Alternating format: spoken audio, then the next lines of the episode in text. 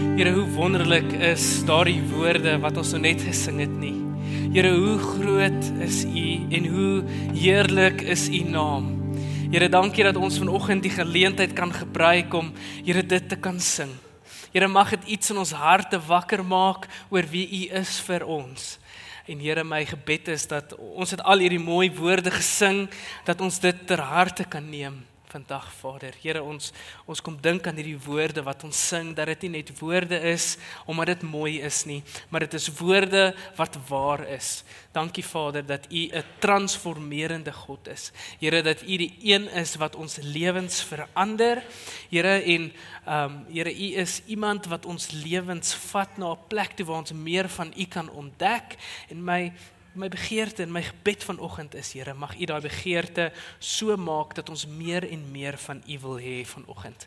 En Here, mag ons in die skrif en in die woord vandag, Here, mag U dit seën en mag ons U raak sien binne dit. Here, mag ons sien wat U doen en hoe U dit doen, Here, en hoe U as meester hierdie stuk skryf. Here, ons bid dit in die naam van Jesus Christus. Amen. Julle ons ehm, die titel vir vandag is ek is die brood van die lewe. En ons gaan nou nou 'n bietjie lees in Johannes 6. Ehm um, so as jy jou Bybel hier sou het, dit gaan ook op die bord verskyn, maar uh, daar dit is die gedeelte waarin ons vandag gaan lees.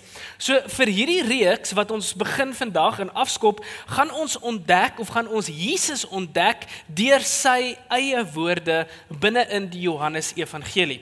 Nou die Johannes Evangelie is vir my regtig 'n meesterstuk.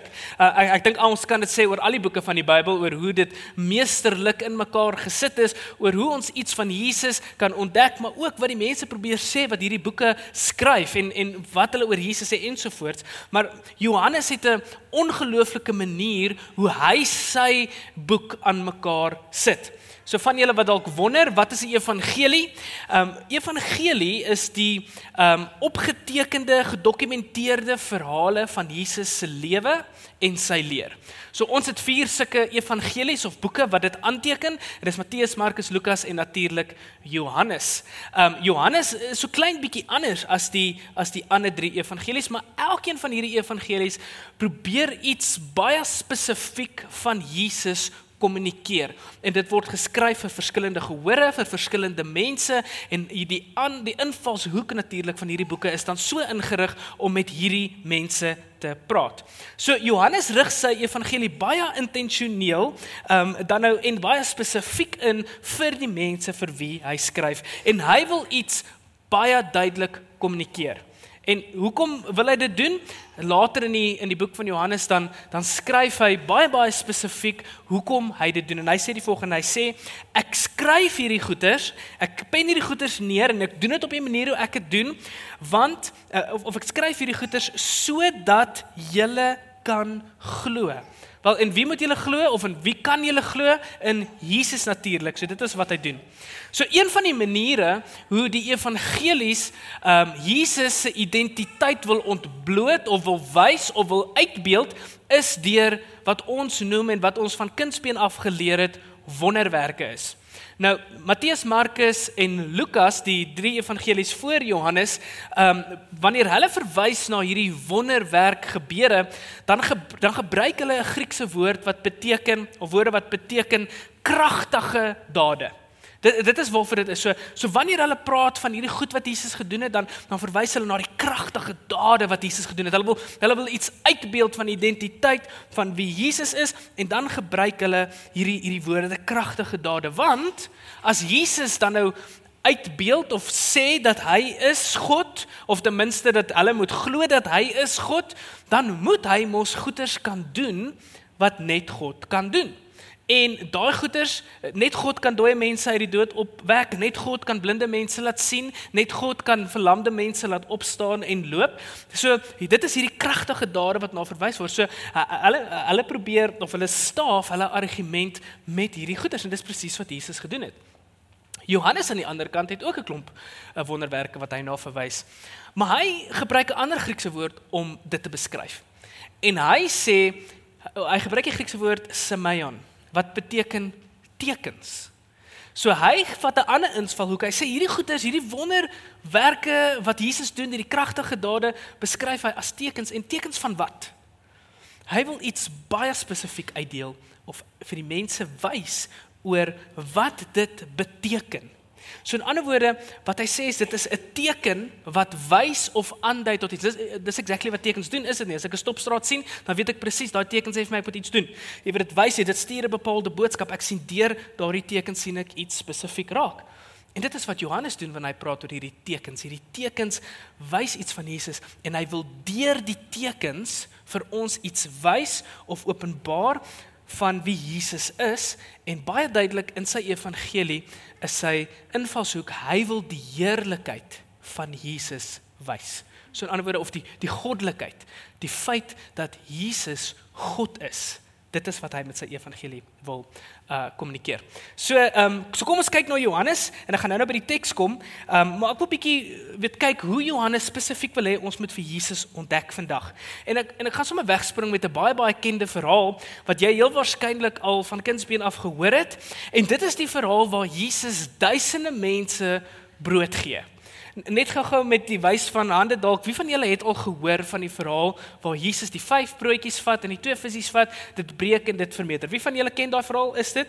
Okay so dit is dis nog 'n bekende algemene bekende verhaal. Daar is 'n paar mense wat nie hulle hand opgesteek het nie wat dit dalk nog nooit gehoor het nie. So kom ons vertel vir julle 'n bietjie wat het hier gebeur? So Jesus het um, hierdie duisende mense wat hom volg en ek dink ons moet die vraag vra hoekom volg duisende mense vir Jesus? Die rede hoekom mense vir Jesus volg en hoekom hulle duisende mense is wat vir Jesus volg is juis as gevolg van hierdie ek gaan dit sommer nou kombineer wondertekens is omdat hy hierdie wondertekens gedoen het. Die Jode dink ek is so 'n bietjie vertroud of bekend met die God wat hulle volg en dat wanneer God iets doen dan gebeur daar ongelooflike goed soos wanneer ons kyk uh jy weet hulle ken vir Elia as profeet wat vuur uit die hemel uit laat kom het om te wys dat sy God die regte God is. Ons dink aan Elisa wat die die water uit die byl op die water laat dryf toe die toe die byl in die water geval het. Jy weet so alles alles bietjie vertroud en bekend dat die God wat hulle volg volg uh, amazing goeders doen. Ons dink aan in die woestyn toe daar 'n wolkkolom in die dag was en 'n vuurkolom in die aand was, wie wat hulle gevolg het. So hulle hulle weet iets dat wanneer dit by hulle God kom, dan is daar iets spesiaal en groot en anders. Maar vir 'n lang tyd het die Israeliete en die volke wanneer hulle vir Jesus volg was ag wanneer wanneer hulle jy weet in hulle leeftyd waar hulle is dan sien hulle nie hierdie goeders raak nie en iewes skielik kom daar 'n persoon vir jy weet randomly uh, en en hy begin goed anders doen So hy's hy's nie net 'n normale ou op die straat wat baie groot karisma of iets gehad het wat mense gedink het, "O, hier is ou's oulik, kom ons volg hom nie." Hy het regtig amazing goed gedoen en dit is die rede hoekom hulle hom begin volg het. Hulle volg hom dan nou want hulle is op soek na hierdie Jesus se identiteit. Hulle wil meer weet van wie hy is en uh en hulle wil half bietjie meer ontdek en hoekom die rede is dat hulle hom volg. En en saam met hierdie goeie terwyl hierdie mense hom volg, doen Jesus goed. Hy maak hulle gesond, hy het kwale wat hy ehm um, jy weet gesond maak en hy, en saam met dit leer hy vir hulle 'n paar goed. Hy hy hy leer vir 'n paar goed en hulle soos wow. Was nog nooit op hierdie manier vir Jesus of of ten minste vir God ontdek nie. So so hulle volg hom vir hierdie rede. Maar nou volg hierdie mense om en baie keer dink ek in ons gedagtes het ons soos okay, se storie gaan hulle luister, ons storie gaan hulle luister. Wat hier gebeur het is hierdie mense het hom vir dae aan een gevolg. Letterlik soos hulle los hom nie uit nie. Dit is 'n bietjie so stalkers. Jy weet hulle volg vir Jesus aanhoudend en hulle het ek is seker hulle het so 'n bietjie van hulle kos gepak en so voort en na 'n paar dae is dit op. En hierdie mense het niks meer om te eet nie. En dan eh, word die die disippels wat saam met Jesus so 'n bietjie paniekerig. Hulle sê so, Jesus stuur hierdie mense asseblief huis toe. Uh hierdie mense is honger, hulle word krampie. Um hier, hierdie mense moet moet eet. En dan sê Jesus vir hulle hierdie wonderlike ding. Hy sê vir hulle, "Wat het julle?" En dan sê hulle soos, "Ons het niks behalwe hierdie vyf brode en twee visse nie." En dan sê Jesus vir hulle, "Bring vir my wat in jou hand is, bring dit vir my en ek sal dit gebruik." En hy vat dit, hy breek dit en julle wat die verhaal ken, sal weet dat hy hou net aan breek en breek en breek en breek en breek en breek en al hierdie mense eet.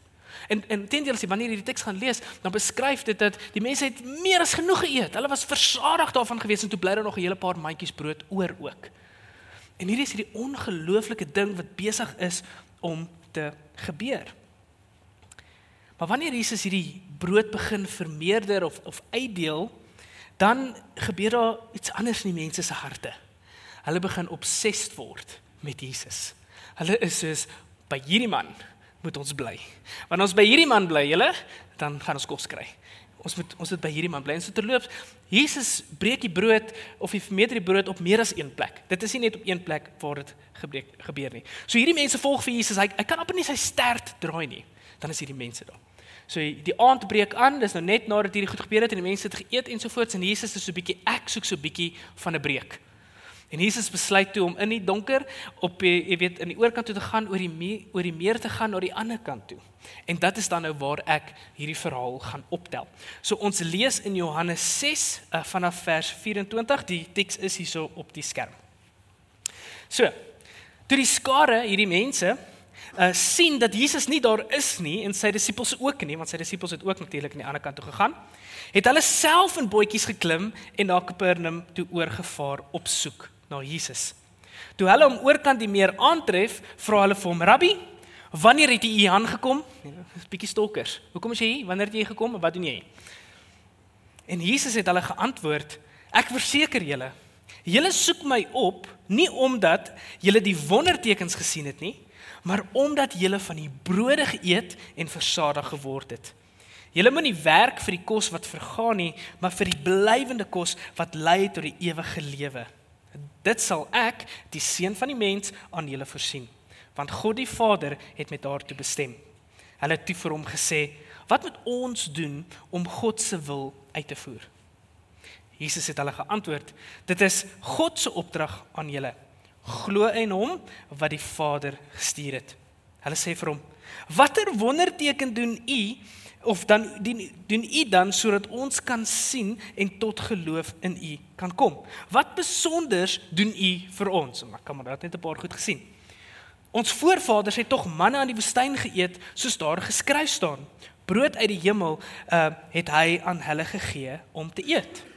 Jesus het, het hulle daarop geantwoord: Ek verseker julle, dit is nie Moses wat aan julle die brood uit die hemel gegee het nie, maar my Vader. En dit is hy wat nou aan julle die ware brood uit die hemel gee.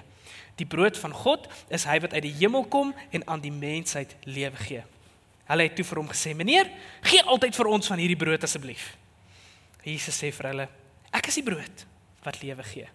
Wie na my toe kom, sal nooit weer honger word nie, en wie op my vertrou, sal nooit weer dors kry nie. Ek het mos vir julle gesê dat julle my wel sien en tog nie glo nie." Elkeen wat die Vader aan my gee, sal na my toe kom en ek sal die persoon wat na my toe kom nooit verstoot nie. Ek weet nie of ek baie in die teks inlees nie, maar wanneer ek die teks lees en hierdie veral, dan dink ek Jesus is so 'n bietjie frustreerd met hierdie klomp mense wat hom volg, uh en wat hom so klein bietjie stalk, want Alhoewel hierdie mense begin het om vir Jesus te volg as gevolg van hierdie wondertekens wat Jesus besig is om te doen en die amazing goeders wat Jesus vir hulle vertel oor God en van homself ensovoorts. Jy weet alhoewel hulle begin het om om te volg as gevolg van hierdie redes nadat die mense brood by Jesus gekry het, is dit nie meer die rede of die enigste rede ten minste waarvoor of waaroor hulle Jesus gevolg het nie. En Jesus sê dit in haar eerste gedeelte baie duidelik. Hy sê die enigste rede, mense, hoekom julle op hierdie bootjies geklim het, hoekom julle hierheen gekom het, dat julle die moeite gedoen het om oor te kom en my te kom volg en my te kom soek aan hierdie kant, die enigste rede hoekom julle dit kom doen het, is nie om my te ontdek nie. Die rede hoekom julle dit gedoen het, is omdat julle die brood soek wat ek verniet uitdeel. Julle soek net die brood wat ek uitgedeel het aan die ander kant van die meer. Julle soek net meer van dit. Julle soek net verniet kos want julle lyk my wil nie werk nie. Dis letterlik wat Jesus vir hulle sê. Julle soek julle daar's nie ander rede nie. Julle soek net verniet kos. Op hierdie stadium het die mense nie regtig eintlik meer ge-worry oor die ander goeders wat Jesus doen nie. Hulle het nie meer ge-worry oor oor hierdie tekens nie. Hulle hulle motief om om vir Jesus te volg het het verander. Die motief die motief om Jesus te volg het het ewe skielik baie vleeslik geword. Dit het verander na na vleeslike behoeftes. Dit het baie vinnig reël geword as ek dit tussen nakkies kan sit. Hulle liggaamlike behoeftes wou hulle eers versadig. En dit het hulle gedryf en en ehm um, hulle het dalk begin volg soos ek gesê het as gevolg van hierdie wondertekens, maar hulle motief is nou kos vir die liggaam. Hulle wou hulle magies vol gehad het. En ek dink as ons eerlik is, jy weet, reality hits us in 'n of ander tyd en ons is honger en, en ons moet eet. So ek dink dit is op 'n manier is dit valid. Dis valid dat hulle hierdie hierdie vleeslike begeertes ook het. Maar dis asof hulle rigting so bietjie geswaai het. Jy weet, hulle was op hierdie rigting op pad en ewe skielik dan is dit soos oep squirrel, jy weet en as hulle op pad en hulle volg iets anders. Hulle wou hulle magies volgehad het. En dan wanneer en ek dink hulle doen hierdie subconsciously uh in hulle onderbewussyn en dan begin Jesus dit vir hulle uitwys. En dan wanneer Jesus dit vir hulle uitwys, dan kom hulle nog steeds nie agter dat hulle versuim om raak te sien wie Jesus is nie. Hulle sien nie wie agter die wonderteken is nie. Hulle sien net hierdie wonderteken wat gebeur raak. Hulle hulle het eintlik hierdie kortsigtigheid eintlik. En dan en, en hulle praat daarvan want hulle verwys na die manna wat uit die hemel gekom het toe die volk in die woestyn was. Dis dis 'n baie interessante uh, iets wat hulle opbring. Jy weet hulle wat hulle sê eintlik, hulle sê, um, God het vir ons gesorg toe ons in die woestyn was vir ons voorvaders. Um, en God het dit een keer gedoen, met ander woorde, God het vir hulle aanhoudend kos gegee. Die kos het nie net een dag geval nie, die kos het aanhoudend geval um, uit die hemel uit en mense daarvan geëet en hulle het versorg geword. Soos God dit een keer gedoen het, hoekom kan hy dit nou weer doen nie? Ek meen ons weet dat hy dit gedoen en as ons sien dat jy hierdie kos vir ons uitdeel, hierdie brood vir ons uitdeel en dit vermeerder, Hierdie is mos 'n win-win situation. Hoekom doen jy nie hierdie hou jy net aan om hierdie brood vir ons te gee nie? Ons wil hê dat dat jy aan ons fisiese behoeftes behoeftes moet voorsien. En dan Jesus vang hulle eintlik uit. Vang hierdie motief van hulle eintlik uit. En Jesus sien raak dat dit wat hulle soek is eintlik net iets wat tydelike satisfaksie vir hulle gee. En hy sê dit vir hulle. Hy sê weet jy wat? Jy kan van hierdie brood eet, maar môre as jy weer terug. Want hierdie brood wat jy gaan eet, gaan jou net vandag voed. And that's it. Môre as jy weer honger en dan soek jy weer brood. Baie keer dan wil ons ook net vir Jesus volg of ons wil ook net vir God volg of ons wil vir, vir God hê sodat hy in ons fisiese behoeftes kan voorsien. Maar dit is waar dit ophou. Hulle soek die Here vir hulle fisiese behoeftes, maar nie vir hulle geestelike behoeftes nie. Hulle is amper so straathonde. As jy vir straathonde kos gee, dan kom hulle en hulle sal so lank as wat jy vir hulle kos gee, hierso bly. Maar die oomblik wat jy vir hulle op 'n kos gee, weet nie of jy al straathonde gesien het hier, dan gat hulle weer en hulle hardloop en hulle jaag gekar na. Jy weet daar's klop ander goeders wat hulle doen. En hulle gaan kos op 'n ander plek soek. As jy vir hulle op 'n kos gee, dan gaan hulle weer weg. Ek dink ek moet net vir 'n oomblik en ek kan nie in 'n mooi Afrikaanse woord gedink het vir hierdie nie, maar uh, ek wil net vir 'n oomblik die significance van die brood in hierdie konteks verduidelik. Die brood is selfs in ons konteks vandag die mees basiese element van ons dieet. Ons praat mos van iemand moet sy brood en botter verdien. Nou ons beteken nie iemand gaan eendag brood en botter eet nie ons weet dit beteken kos. Ons dit is die mees basiese element van ons dieet. Dit is dit is hoekom ons dit noem dis ons stapelvoedsel. So die brood word hier as teken gebruik vir iets wat jou in die lewe hou. Dit is wat hulle sê. Geef ons iets wat ons in die lewe hou. Dit is die brood versadig ons, dit onderhou ons en dit voed ons. Dit maak seker dat my bene sterk is en dat ek gesond is en dat ek energie het en al daai tipe goeders. So die die die brood help ons om te groei en sodat ons ons lewe kan leef. En dan sê Jesus die volgende oor brood. Vers 48. Hy sê ek is die brood wat lewe gee. Julle voorvaders het in die woestyn manna geëet en tog gesterf. Hierdie is die brood wat uit die hemel gekom het sodat niemand sodat iemand wat daarvan eet Ekskuus. Hierdie is die brood wat uit die hemel gekom het sodat iemand daarvan kan eet en nie sterf nie. Ek is die brood wat lewe gee, wat uit die hemel gekom het. As iemand wat hierdie brood eet, sal hy vir altyd lewe. En die brood wat ek beskikbaar stel, is my liggaam. Dit doen ek ter wille daarvan dat die wêreld kan lewe. En hier wil Jesus dit baie baie duidelik maak vir hulle dat al sou daar brood elke aand uit die hemel uitkom. En sou jy van daardie brood elke dag eet, dan gaan jy nog steeds sterf. En dit is wat gebeur het met die mense wat dit geëet het in die woestyn. Hulle almal het gesterf eventually. Hulle almal het dood gegaan eventually. En Jesus probeer vir hulle verduidelik waaroor praat hy eintlik. Daai brood, daai brood wat julle so soek met alles, wat julle so obsessief is met my oor om vir julle te gee. Daai goeders, dit gaan jou nie red nie. Dit is nie genoeg om jou te red nie. Julle onthou, die manna het uit die hemel uitgekom om wat te doen? Een ding, om die volk te red van honger. Die teken van brood is om te red van honger. En dit is wat hy gedoen het. Dit was die teken, dis wat hulle verstaan het. En Jesus praat ewe skielik met hulle en hy's hy's eintlik 'n bietjie hard met hulle. Hy sê dit gaan jou nie red nie. Dis nie genoeg nie.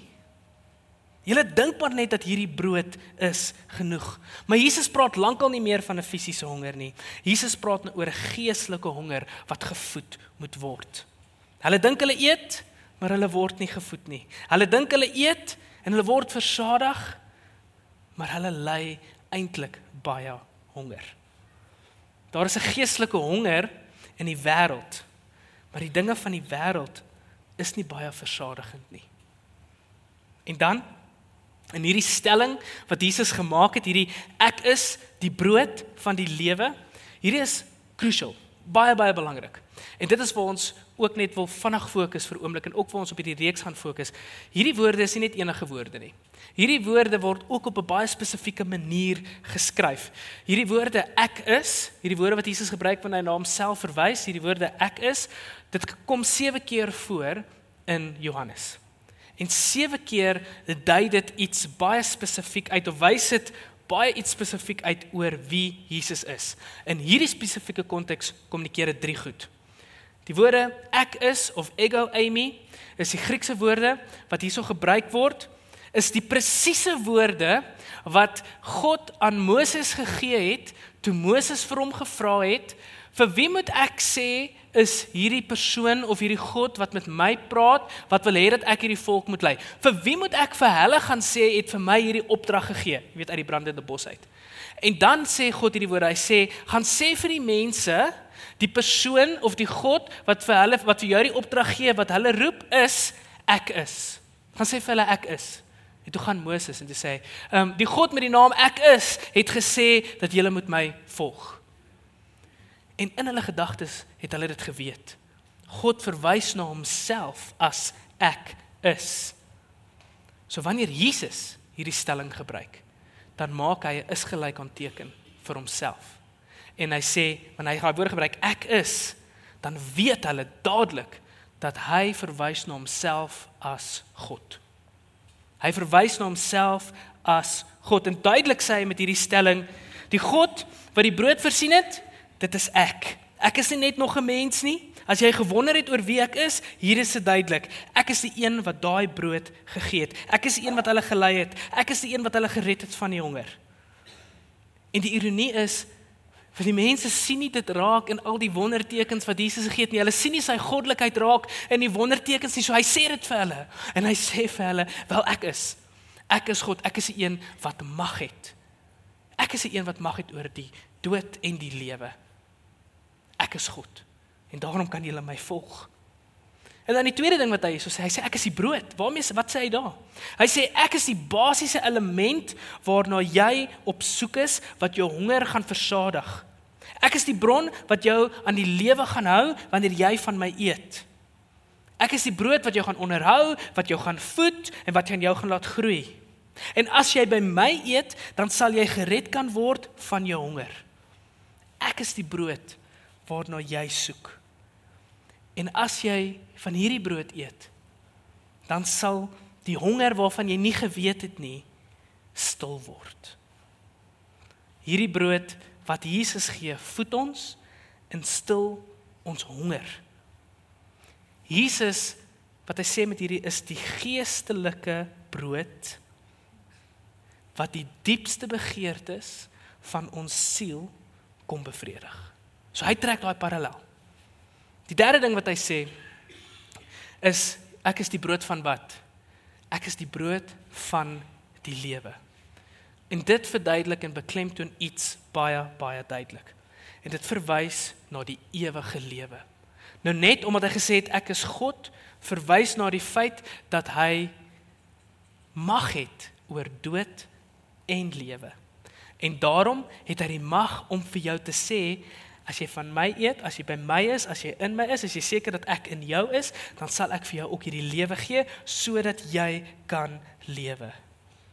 As jy my brood vat, dan gee dit vir jou lewe. Net soos wat gewone brood lewe bring, bring Jesus vir jou geestelike lewe.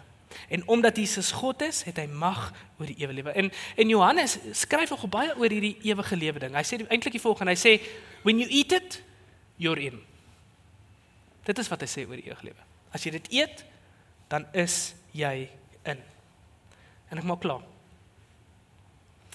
Net soos wat die manna tydelike redding vir die volk gebring het in die woestyn en hulle gered het van hulle honger, so word Jesus die brood wat ware redding bring vir almal wat in hom glo. Mense wat van hierdie brood eet, sal nie brood of lewe op 'n ander plek of aan 'n ander bron gaan soek nie. Mense wat in die son stap, het nie kersse nodig nie. Mense wat 'n fontein van lewende water binne hulle het, sal nie by die modderpoele gaan sit van die lewe nie en daaruit gaan drink nie. Hulle het dit nie nodig nie. Ek is die brood wat vir jou lewe gee. Deur die wonderwerke, deur hierdie tekens wil Johannes baie duidelik vir ons kom wys wie Jesus is.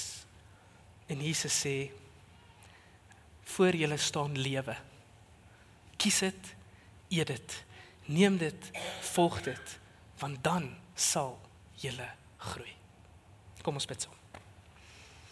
Here, dankie dat ons kan leer en lees Here dat U is die ware bron van ons begeertes, van ons honger, van ons dors. Here, dankie dat ons weet dat dat U reik uit na ons en U wys vir ons dat al wat ons moet doen is ons moet uitgryp na dit. Here, dankie dat U dit vir ons bring. Here, dankie dat ons so duidelik dit kan sien in hierdie teks. Here, mag U wanneer ons hier uitstap, dit deel maak van ons identiteit. Here en mag ons iets in ons gedagtes aangaan oor oor wat is u identiteit? Here wat ons nie ook net soos die volk dalk u op u magie wil vryf wanneer ons iets van u wil hê soos 'n genie nie. Here maar dat ons u soek vir wie u werklik is.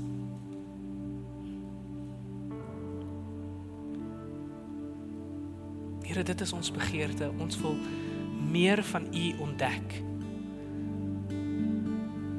Ons wil ons wil nader aan U leef. Here kom voed ons. Kom gee vir ons daai brood sodat ons kan leef.